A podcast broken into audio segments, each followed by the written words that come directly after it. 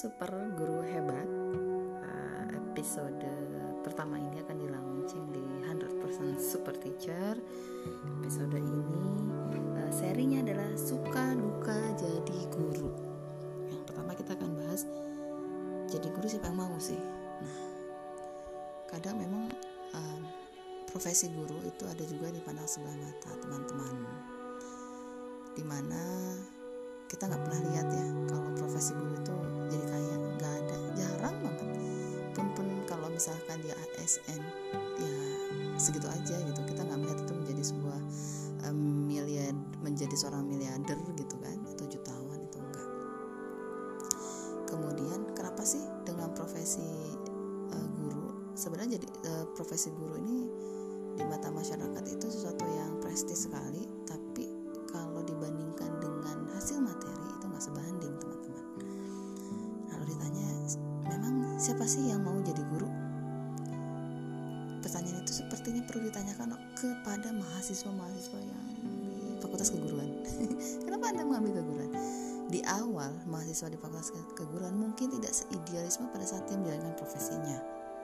Bisa jadi pilihan pertama menjadi guru itu adalah dianggap pilihan yang mudah pada saat memasuki universitas. Karena materi-materinya mungkin dianggap tidak sesulit pada saat masuk kelas sains. Padahal jadi guru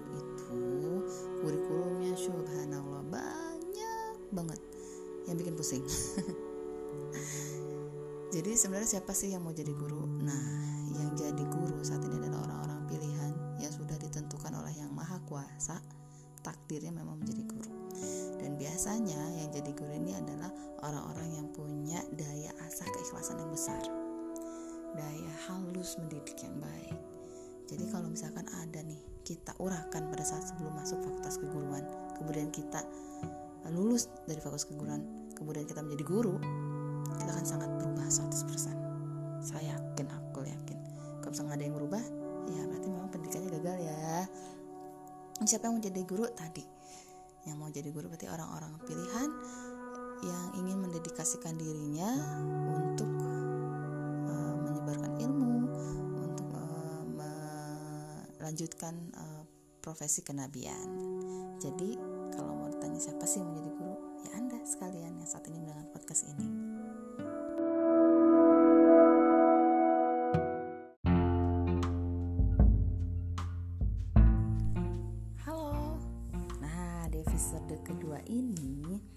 Cici akan uh, mengulas pandangan.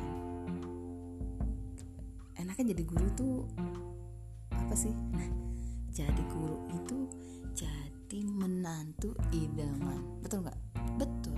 Jadi memang tadi yang di pertama saya bilang kalau jadi guru itu prestis sekali di masyarakat. Dianggap orang yang berilmu kemudian orang yang memiliki suri dan yang baik. Sehingga jadi guru itu jadi salah satu profesi checklist profesi pertama yang dijadikan uh, checklist menantu idaman. Jadi kalau misalkan uh, para calon calon calon suami. Dan di seorang guru kemudian datang ke ke calon istri gitu ya ke calon mertua.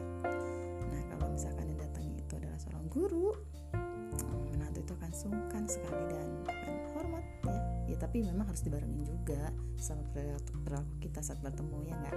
Tapi memang sih menjadi guru itu uh, profesinya uh, jadi menantu idaman padahal ya tadi saya ulas jadi guru itu nggak bisa kaya ya sebenarnya.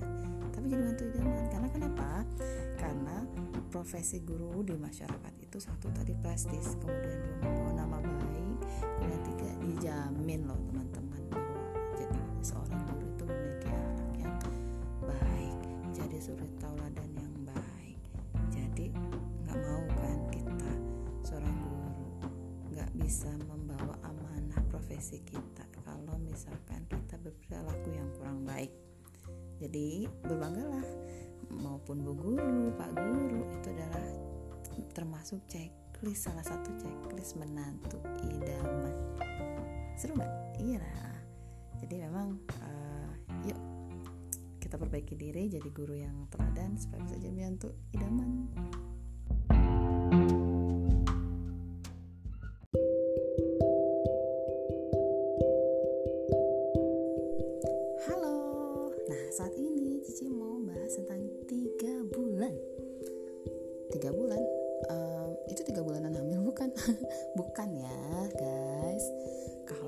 tiga bulan nih para guru itu apa sih yang dipikirin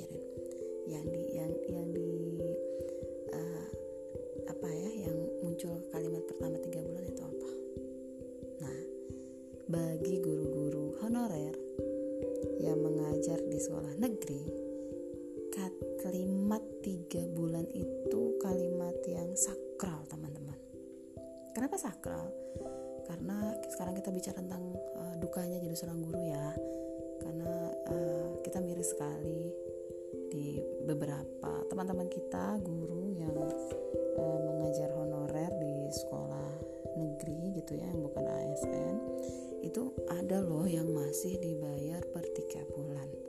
Dan per tiga bulan pun tidak tidak tidak mencukupi teman-teman. Yang per bulannya itu 800 ribu ada loh. Tapi dibayarkan per tiga bulan. Nah lo kemudian guru hidupnya gimana ya? Guru juga kan sama kayak kita butuh makan sehari tiga kali kemudian juga butuh uh, ke biaya biaya hidup yang lainnya. Tapi kalau digaji tiga bulan dan sebulan cuma 800 ribu. Cukup buat apa ya? Ya begitulah uh, mirisnya teman-teman Indonesia itu memang masih banyak guru-guru yang secara kesejahteraannya itu belum ter terselesaikan gitu ya masalah tersebut oleh pemerintah. Tapi nih, ini tipsnya ya teman-teman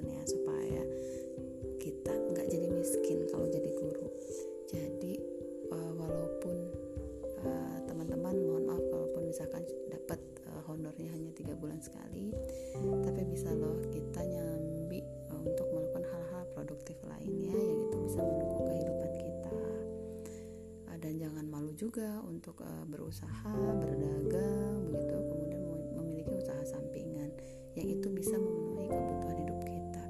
Jadi kalau misalkan teman-teman uh, yang mungkin sekarang kondisi uh, ekonominya baik uh, walaupun profesinya guru yuk kalau misalkan ada donasi-donasi atau program-program pemberdayaan guru yuk kita ikut dan ikut juga uh, berkontribusi begitu. Jadi tiga bulan itu kalimat sakral dan mudah-mudahan Indonesia pemerintah Indonesia bisa menyelesaikan masalah kesejahteraan guru ya. Oke? Okay?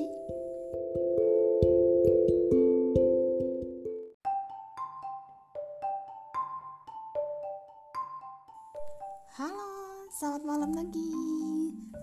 Saat ini uh, ada yang request nih untuk bahas tentang sebenarnya guru itu mendidik anak atau mendidik orang tua.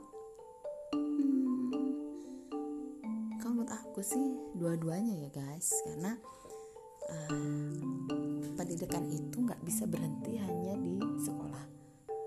Pengasuhan, pembinaan kepada anak peserta didik atau siswa itu nggak hanya tuntas di sekolah karena sejatinya uh, kewajiban utama orang tua adalah mendidik anak, mengasuh anak, gitu, dan bahkan mengajar.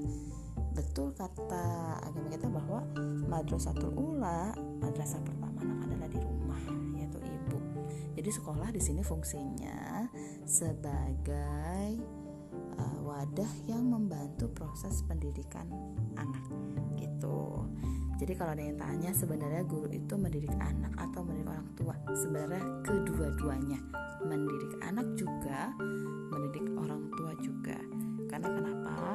Kalau kita tidak juga memberikan uh, pemahaman, pembekalan kepada orang tua siswa tentang pendidikan di sekolah, nggak akan nggak akan ketemu tuh teman-teman. Misal kita melakukan pembiasaan karakter uh, A, B, C, D, namun di rumah pembiasaan itu tidak sejalan. Yang ada adalah terjadi kontradiktif uh, pemahaman anak terhadap pembiasaan-pembiasaan kita buat. Jadi idealnya memang pendidikan itu berlanjut ke rumah. Begitu ya. Nah makanya penting sebuah sekolah itu mewadahi orang tua siswa untuk bisa mendapatkan uh, pemahaman tentang pendidikan anak bahkan kalau perlu orang tua siswa itu bisa berguru kepada gurunya anak-anak. Berbicara saling berbagi berbicara berkonsultasi tentang perkembangan anak kepada gurunya. Karena itu akan sangat membantu teman-teman pada pendidikan anak. Jadi kalau misalkan uh, sekolah itu membuat program pendidikan karakter yuk sekali-kali juga dibuat program pendidikan karakter kepada orang tua. Sehingga pengasuhan pendidikan di sekolah dan di rumah itu sejalan. Sepakat ya?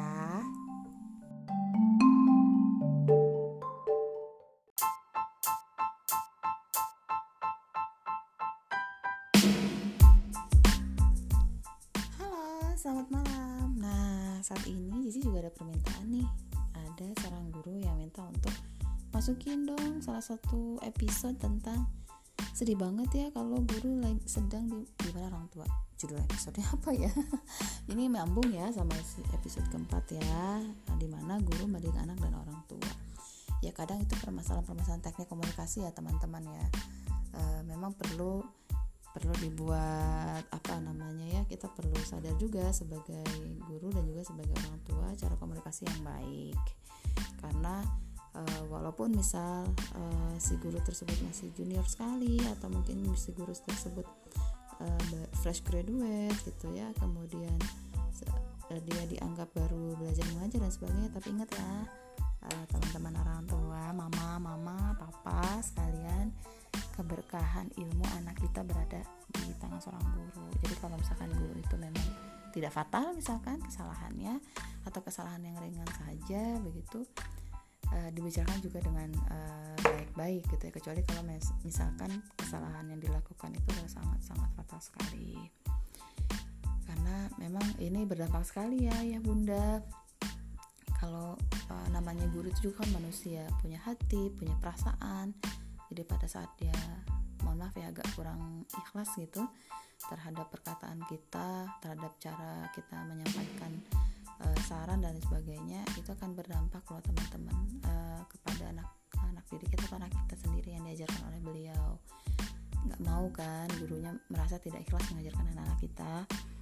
Kemudian guru juga yuk uh, kita belajar komunikasi yang baik menyampaikan hal yang baik kepada orang tua siswa dan juga uh, apa namanya lebih profesional lagi dalam uh, mendidik uh, memang sering kejadian uh, di mana orang tua ini uh, kadang suka miskomunikasi nih sama guru nih. Makanya tadi di episode 4 itu perlu tuh adanya wadah di mana orang tua dan guru ini bisa saling berkomunikasi secara harmonis uh, tentang perkembangan uh, anak. Jadi yuk sama-sama kita berbicara berkomunikasi yang baik saling memahami untuk mama papa orang tua siswa ingat guruan anak kita adalah sumber uh, apa namanya keriduan ilmu.